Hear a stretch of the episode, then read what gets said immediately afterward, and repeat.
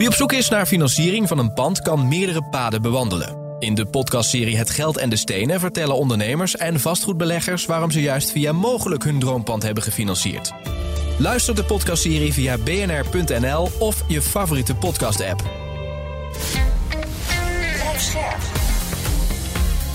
BNR Nieuwsradio. Vastgoed gezocht. Maarten Bouwhuis en Maarten de Gruiter. Er snel achterkomen welke transacties er zijn geweest, wat de specifieke pandkenmerken zijn en natuurlijk het seintje krijgen als een bestemmingsplan wordt gewijzigd. De vraag van deze week: welke, welke mogelijkheden heb je als je altijd kunt beschikken over up-to-date vastgoeddata? Dit is Vastgoed Gezocht, jouw wekelijkse update over de wereld van de stenen. Je hoort ons natuurlijk elke maandagavond om 7 uur op BNR of gewoon online bnr.nl of je eigen podcastplayer. Even abonneren. Maarten de Gruiter staat zoals elke week naast mij. En het nieuws komt, niet verrassend, uit Den Haag. Lezen we op de website van het Rijksvastgoedbedrijf. We lezen het in het FD.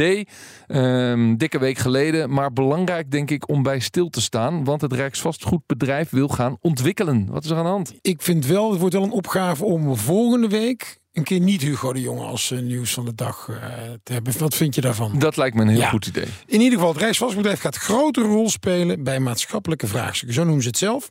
En uh, hij wilde het Rijksvastgoedbedrijf meer gaan inzetten voor woningbouw, opwekken duurzame energie, huisvesten van kwetsbare groepen, et cetera.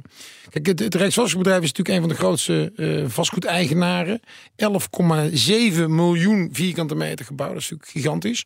Nou, en ik, vind, ik denk dat het een heel goed idee kan zijn. Zijn ze dan klassiek gezien een, een, beheerder van dat vastgoed? Ja, een eigenaar. Vooral dat, eigenaar en beheerder. Eigenaar en beheerder. Wat ze natuurlijk normaal doen is, dan, dan vaak zit daar een overheidsdienst in zo'n gebouw. En dan gaat die overheidsdienst weg. Bijvoorbeeld naar een nieuw gebouw. En dan verkopen ze het. Nou, en nu zegt hij eigenlijk van, nou, voordat we dat gaan doen, als we in plaats van nou gaan verkopen, gaan we eerst eens kijken, kunnen we het zelf inzetten um, uh, om te ontwikkelen. Nou, en daar ligt denk ik een beetje spanning. He, dus dat, ik bedoel, als dat ontwikkelen wordt voor dingen die zeg maar, de markt niet kan dragen. Uh, dan is het denk ik heel goed. Hè? Bijvoorbeeld uh, kwetsbare groepen, um, uh, statushouders, et cetera. sociale woningbouw. Maar op het moment dat ze natuurlijk gaan concurreren echt met de markt. Ja, dan zou ik dat heel matig vinden. Dat zou ik ja, niet maar goed dat, vinden. Dat, wat, dat is wel wat staat. Namelijk, we gaan echt een ontwikkeltak. Hè? Dus er wordt zelfs gesproken over het uh, het opbouwen van een hele aparte tak binnen het bedrijf. De ontwikkeltak, zodat ze snelheid kunnen maken. Want Hugo grijpt natuurlijk alles aan om snelheid te maken voor het realiseren Ja. van zijn 100.000 woningen per Ja. jaar. En in Flevoland uh, gaan ze met pilotprojecten starten. Het Rijk moet voorop lopen met innovatieve oplossingen voor duurzaam bouwen. De innovatie komt dus van de overheid zelf, Maarten. Ja, nee, maar dat is hartstikke goed. Dus dat, maar dan kom je eigenlijk weer een beetje terug op als zij dingen gaan doen die, die de markt nu niet kan dragen, is dat hartstikke goed. Hè? Overigens, ik denk niet dat ik weet niet hoeveel het er namelijk zijn wat je hier nou echt mee bereikt. Want hoeveel, hoeveel staat er leeg of komt er leeg? Maar ik denk dat het hartstikke goed is. Alleen, eh, het gaat natuurlijk altijd weer over. Kijk, ik heb wel eens het voorbeeld gebruikt, bijvoorbeeld Amsterdam met heel veel eigen grond ook. Ehm, en die hebben het er altijd over dat er te weinig sociale woningen zijn. Dan denk je, maar waarom doen jullie zo moeilijk? Dan doe je toch gewoon al, al jullie eigen locaties, die zet je in voor sociale woningbouw. Alleen, dan moet je dus ook ja, een afslag nemen in je eigen begroting, want dat gaat je geld kosten. Ja, en in het is- plaats daarvan eh, eh, proberen ze ook wel eens een stuk grond te verkopen wat dan 100% commercieel mag worden Nou ja, bijvoorbeeld dus een, een locatie een paar jaar geleden die Laurens Evans toen nog eh, tenderde op de Zuidas. 100% vrije sector. Terwijl ik een kilometer verderop een project heb. 80% eh, ehm, woningbouw. Nou, Ja. dan, dan ben je natuurlijk wel een beetje eh oneigenlijk. Nou, niet aan het concurreren. Want het is gewoon hun eigen. Hè. Ze tenderen het en ik had erop mee kunnen doen. Maar ja, dan moet je ook het voortouw nemen en zeggen. joh, weet je, wij gaan ook gewoon 100% sociaal. Ja, en nou- dat is een beetje het gevaar denk ik hier. Dat ze natuurlijk, ja, hoe ga je die eh, gebouwen inzetten? En op het moment dat je natuurlijk met mij gaat concurreren, terwijl ik dus twee straten verderop mijn project niet eh, eh, van de grond krijg, door het stapelen van eisen van de overheid in combinatie met de hoge rente en lage opbrengsten, ja, dat, dat zou natuurlijk niet goed zijn. Conclusie, eh, je bent niet per se tegenstander van het feit dat het Rijksvastgoedbedrijf nu een ontwikkeltak gaat starten. Maar je bent wel kritisch op potentiële valse concurrentie. Ja, ik denk dat het dat kan hartstikke goed zijn, maar zet het in daar waar de markt het niet kan realiseren op korte termijn. Vastgoed gezocht. Ze hebben informatie over al het commercieel vastgoed in Nederland. Daarbij moet je denken aan ruim 400.000 panden, meer dan 1,3 miljoen eindgebruikers in die panden dus. Eh, en wat wij natuurlijk willen weten is, oké, leuk, zit je in het vastgoed, maar wat kun je daarmee? Stefan Ouwerkerk is eh, directeur van Vastgoeddata. Van harte welkom. Dankjewel, Maarten. Ehm, ja, het gaat over informatie over commercieel vastgoed, dus kantoren, winkelpanden. En, en, en wat voor soort data eh, hebben we het dan over? Ja, dus we hebben het over uh, commercieel vastgoed. Je had over 400.000 panden. Uh, dus het systeem is opgebouwd uit alle panden in Nederland. Uiteraard, als je een groep uh, woningen bundelt, kan je ook een commerciële transactie hebben. Uh, dus dat voegen we allemaal bij elkaar. Denk daarbij eigenlijk aan de basisgegevens als bouwjaren, energielabels, metrages. Maar ook uh, welke kadastrale kooptransacties hebben er plaatsgevonden. Uh, en welke huurders zitten daarin. En wat voor huurstromen wordt er gegenereerd in zo'n pand. Ja, maar er is er ook gewoon een, een BAG-register. De basisregistratie adressen en gebouwen. Een van de officiële registers in Nederland. met die gegevens kan iedereen toch objecten inzien, bouwjaar, oppervlakte, gebruiksdoel? Ja, dat is helemaal correct. Uh, daar zijn we ook mooi deze week uh, tien jaar geleden mee begonnen. Als basis van het systeem is die BAG. Daarmee heb je inderdaad een, een mooie start. Maar wat wij doen is eigenlijk het verdere onderzoek ernaar. In de BAG kan bijvoorbeeld dit pand kan vier soorten gebruik hebben. Een bijeenkomstfunctie, een sportfunctie, een kantoorfunctie. Ja, en allemaal hebben ze 10.000 meter. Terwijl als je hier daadwerkelijk bij het pand zou gaan kijken. En daar je hebt het over hier. Je bent de gast bij ons in de studio. Wij hebben een complex uh, aan de Wieboudstraat in Amsterdam. Uh, en je zegt als je hier concreet gaat kijken, dan? Dan zul je zien dat het daadwerkelijke gebruik grotendeels kantoor is. En natuurlijk een stukje een bijeenkomstruimte hier beneden voor het, uh, voor het café. Eh, nou ja, er zit er zelfs een heel groot restaurant, namelijk restaurant Café Dauphine.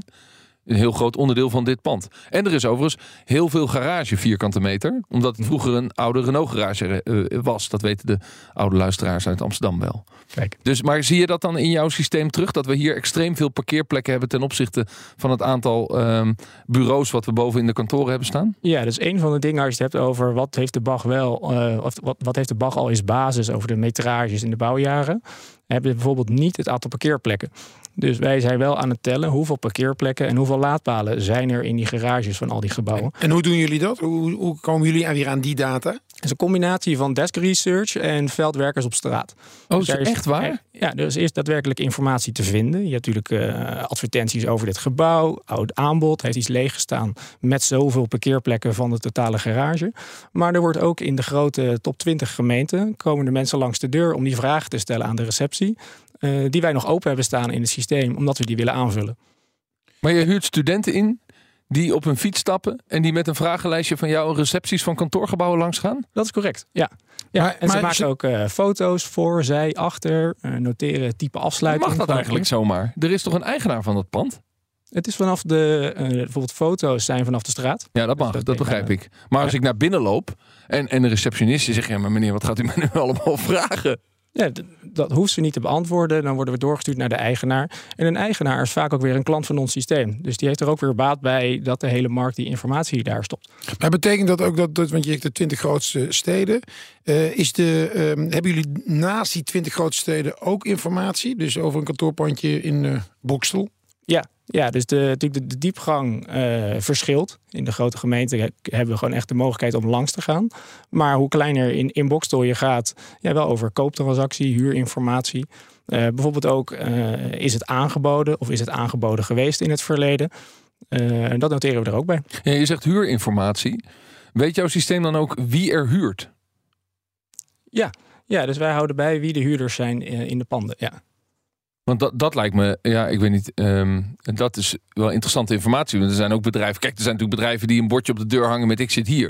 Maar er zijn ook bedrijven die denken, nou ja, ik heb een, ik heb een kantoortje, maar er hoeft niemand specifiek te weten waar ik zit.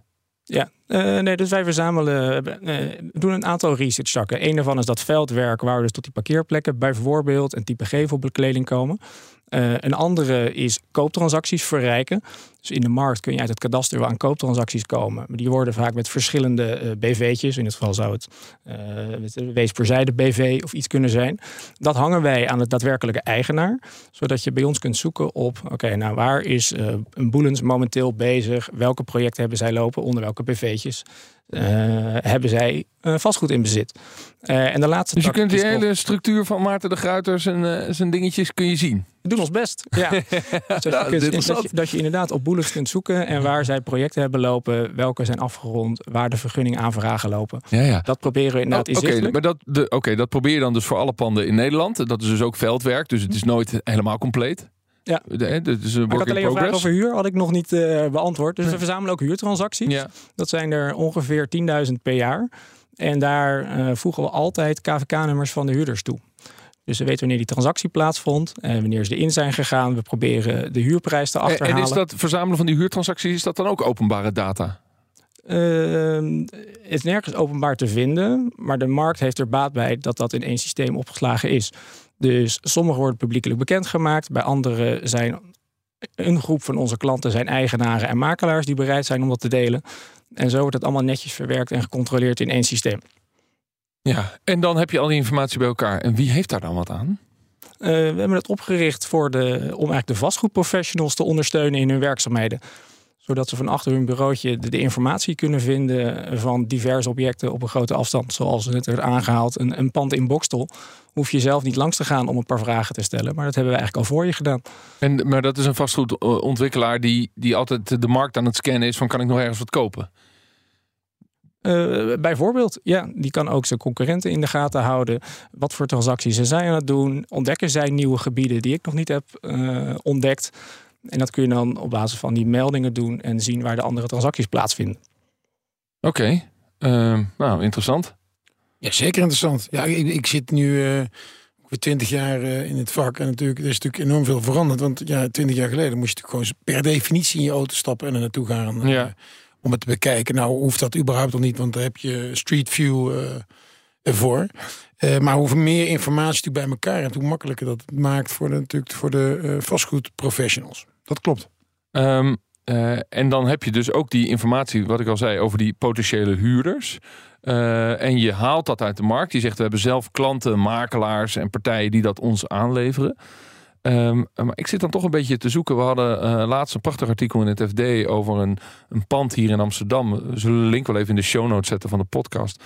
Over een pand hier in Amsterdam. Waarbij er heel veel uh, bedrijfjes zitten die um, uh, methoden zijn om toch Russische um, personen die op de sanctielijst stonden. Om die toch op de een of andere manier in Nederland hun geld te laten kunnen rondschuiven. En die verhuurder van het pand, die wist dat helemaal niet. Dus die was helemaal overvallen door die journalisten dat dat in zijn pand gebeurde. Ik bedoel maar te zeggen, er zijn best wel veel bedrijven die, die misschien helemaal niet willen dat zij terug te vinden zijn in jouw register. Maar ja, die sluiten een transactie af via een makelaar. En die makelaar gaat, hun, gaat toch die informatie aan jou geven. Uh, het is een, een, makelaar is vrij in wat hij wel en niet deelt. Dus sommige informatie wordt inderdaad uh, niet aan ons gegeven. Ik denk wel de, de groep die je aanhaalt zeer beperkt is. Als je het hebt over Russische bedrijven uh, zien te verstoppen achter een huurder. Ik denk dat de meeste partijen er niet op die manier in zitten dat ze niet gevonden willen worden. Het gaat natuurlijk vaak ook wel om, om de grotere namen die überhaupt met hun naam verbonden zijn aan hun merk. Trots op de locatie waar ze zitten. Uh, dus ik zie dat probleem niet zo sterk. Nee, Oké, okay. uh, dan nog even naar jullie klanten toe. Uh, want je zegt ja, het zijn dus vastgoedmensen die hebben daar, die kunnen dat gebruiken. Heb je nog ander type klanten die het dan, die het dan gebruiken, die vastgoeddata? Ja, dus de, de, de groep vastgoedprofessionals is groot. Het zijn natuurlijk obvious de, de makelaars, ontwikkelaars en beleggers. Ook de banken die het kunnen financieren. Het zijn gemeenten die bepaalde beleidsbepalingen moeten doen of informatie over hun eigen gemeente willen hebben. Maar soms ook eindgebruikers. Dus denk aan een, aan een kinderopvang of aan een, aan een McDonald's. Uh, eindgebruikers met zeer veel vestigingen, vaak ook een vastgoedtak binnen hun bedrijf, uh, die maken er ook gebruik van. Maar dat is dus wel grappig. Er zit dus een gemeenteambtenaar die moet uh, zijn beleid schrijven of herschrijven of die is actief bezig. En die gebruikt dan een commerciële partij met vastgoeddata om een beeld te krijgen van zijn eigen gemeente. Dus, dus is jullie informatie dan beter dan wat de gemeente zelf heeft? We zijn natuurlijk wel uh, heel erg gefocust op wat wij doen en maken er een hele makkelijke tool van. Dus het is niet sec alleen maar data. Het is ook de manier waarop je die data ontsluit. En dat is bij ons dan de website met allerlei analyse tools die het heel snel maken. Dus ik kan voorstellen, kijk, een gemeente kan uh, huurcontracten opvragen binnen zijn gemeente.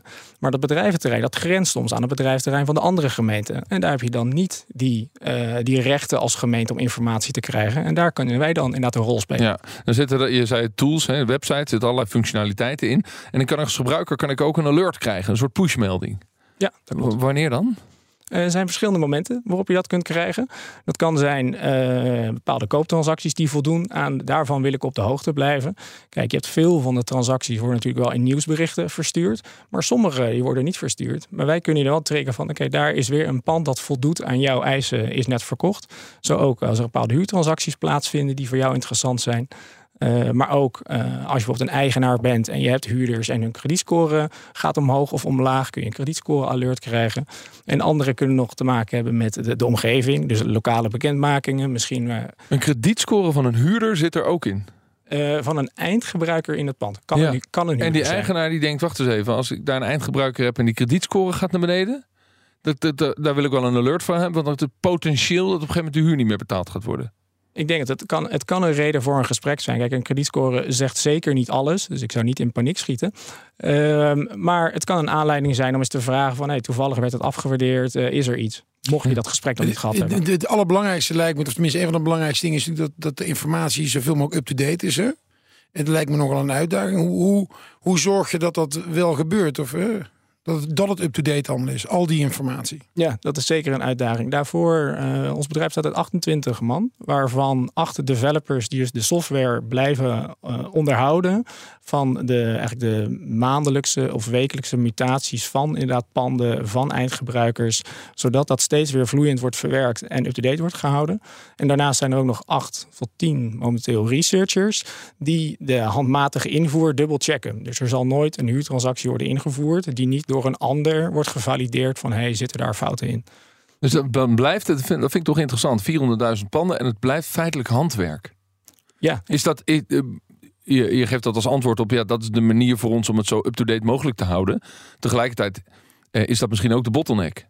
In de zin van, ja, doordat het handwerk is, heb je een, bepaalde, ja, een bepaald bereik in, in, in wat, je kunt, ja, wat je kunt halen qua kwaliteit van je data. Uh... Want, want dan is het dus afhankelijk van het aantal mensen wat op kantoor zit. In plaats van de technologie het oplost. Ja, maar uh, wij zijn dan wel degene die het voor veel partijen doen. Kijk, ik denk dat er, er, er zijn makelaars die met een, in hun eentje met een assistent werken, die ook klant zijn. Ja, die hebben zeker niet 30 man om dat onderzoek voor ze te doen. Ja. En daarmee worden ze dus ons al uh, voor geholpen dat werk te doen. Ja, vastgoeddata, daarover gaat het in deze aflevering van Vastgoed Gezocht.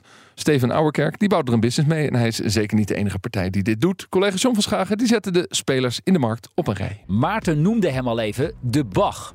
Dat is de basisregistratie adressen en gebouwen. Hierin vind je gegevens van alle adressen en gebouwen in ons land. Van locatie tot bouwjaar bijvoorbeeld. Dit is openbaar toegankelijk, maar wel vrij basic. Er zijn ook andere commerciële spelers actief in deze markt voor vastgoeddata. Een van hen is Realstats. Zij richten zich met name op de woningmarkt en bieden een uitgebreide dataset met profielen, zoekgedrag, huur- en kooptransacties en markttrends. En zo geven ze inzicht aan marktpartijen en overheidsinstanties over die woningmarkt. Dan is er ook nog de Matrixion Group. Zij specialiseren zich in wat ze zelf noemen het locatie intelligent maken van organisaties.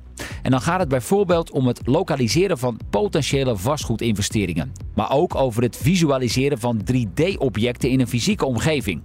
Hun data helpt onder meer bij de vraag hoeveel een vastgoedportfolio nu eigenlijk waard is. Nog eentje dan, heel kort. Kate Innovations. Dat bedrijf heeft software ontwikkeld die het hele waarderingsproces van commercieel vastgoed digitaliseert. En ook hier is data het fundament van het businessmodel. Een kort overzicht van de, de, spelers in de markt. Dus we praten verder met uh, Stefan Ouwerkerk van Vastgoeddata. Het bedrijf bestaat uh, deze week tien jaar. Ja, dat klopt. Gefeliciteerd. Dankjewel. Um, die informatie die jullie er verzamelen, die zit dus in één databank. En ik koop dus een abonnement. Uh, en hoe werkt dat dan vervolgens? Uh, je koopt bij ons toegang tot het onderzoek dat we voor je doen. Dus inderdaad, het systeem, daar slaan we heel veel data in op.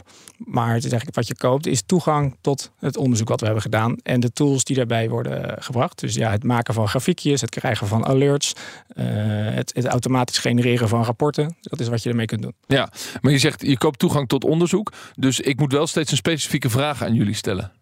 Nee, je hebt zelf toegang tot het systeem. Ja. Dus je kunt het voor jezelf, kun je die werkzaamheden doen. En, en, maar dan stel ik een vraag over een pand in de Waardepolder. Uh, het bedrijventerrein bij Haarlem. Ja. Nou, daar, dat is een heel oud bedrijventerrein. Dus er is heel veel historische data, zullen we maar zeggen. Uh, uh, en dan krijg ik van jullie een oordeel over een pand. Met al die informatie. Um, um, maar dan kan ik jullie dan nog de vraag stellen. Ja, zoek dan eens even door. Want het voelt wat incompleet. Uh, nou, we hebben van ieder pand in Nederland hebben wij een factsheet. Dus als je dat bewuste pand het adres zou invullen, krijg je eigenlijk alle gegevens die we over dat pand hebben, uh, krijg je. En je kunt dan ook doorklikken naar het gebied waar de polder, waar de pand zich in bevindt. En dan gaan we dat gebied analyseren on the spot voor je. Dus dat is elke keer actueel op het moment dat je die aanvraag doet. Uh, wat staat hier nog meer in de buurt? Uh, welke partijen zijn er ja, precies. Dus de analisten op kantoor gaan aan het werk op basis van een vraag. Uh, nee, het, de software doet dat voor je. Nee, dus jij kunt zelf ergens op klikken en dan het systeem uh, telt alles bij elkaar op en doet de analyses. Ja, maar de vraag was volgens mij, hè, dat als, als jij denkt van de, de, de informatie is nog niet helemaal compleet, gaan jullie dan verder zoeken of dat is het? Ja, er is altijd een, een knop om te vragen om meer hulp. En dan zullen de, de, onderzoekers voor jou verder aan de slag gaan of Ja. ze iets kunnen vinden. Krijg je ja. dan ook meer facturen? Nee, nee. Als je bent, is het- Ja, toch altijd. Als je op een knop kunt Nee. drukken, moet je, moet je Ja. altijd even Ja, checken. Maar Absoluut, absoluut. Ja, precies. Oké, meer hulp. En, en dan kijken we nog even, dan kijken we nog even dieper. Van, van, van wat, wat, wat gebeurt er nou? Uh, hoeveel, hoeveel klanten hebben jullie dan die hier gebruik van maken? We hebben momenteel 400 klanten. 400. Ja, dat waarvan, voelt nog niet als heel veel. Eh, wij zijn er zeer trots op, Ja. omdat we dat in 10 jaar toch hebben bereikt. Om, Eh, omdat het natuurlijk een recurring business model is. Dus ze betalen een abonnement fee. Ja. Dus je weet in ieder geval dat diezelfde 400 er hopelijk volgend jaar ook nog zijn. ja, exact. Ja, ja precies. Ehm, eh, het is natuurlijk een tak van sport waar we net al in de audio even over hadden, waar meer partijen zijn aangehaakt. Iedereen op zijn eigen manier. Maar we leven in een nieuwe tijd, namelijk er is ChatGPT. Er is eigenlijk AI in de algemeenheid. Eh, sterker nog, er zijn duizend, eh, ehm, laten we zeggen, software-denkers, waaronder Elon Musk zelf, die een brief hebben geschreven en we zeggen, moeten op de pauzeknop drukken als het gaat over de ontwikkeling van AI. Nou, dat zegt alles over hoe hard dat gaat.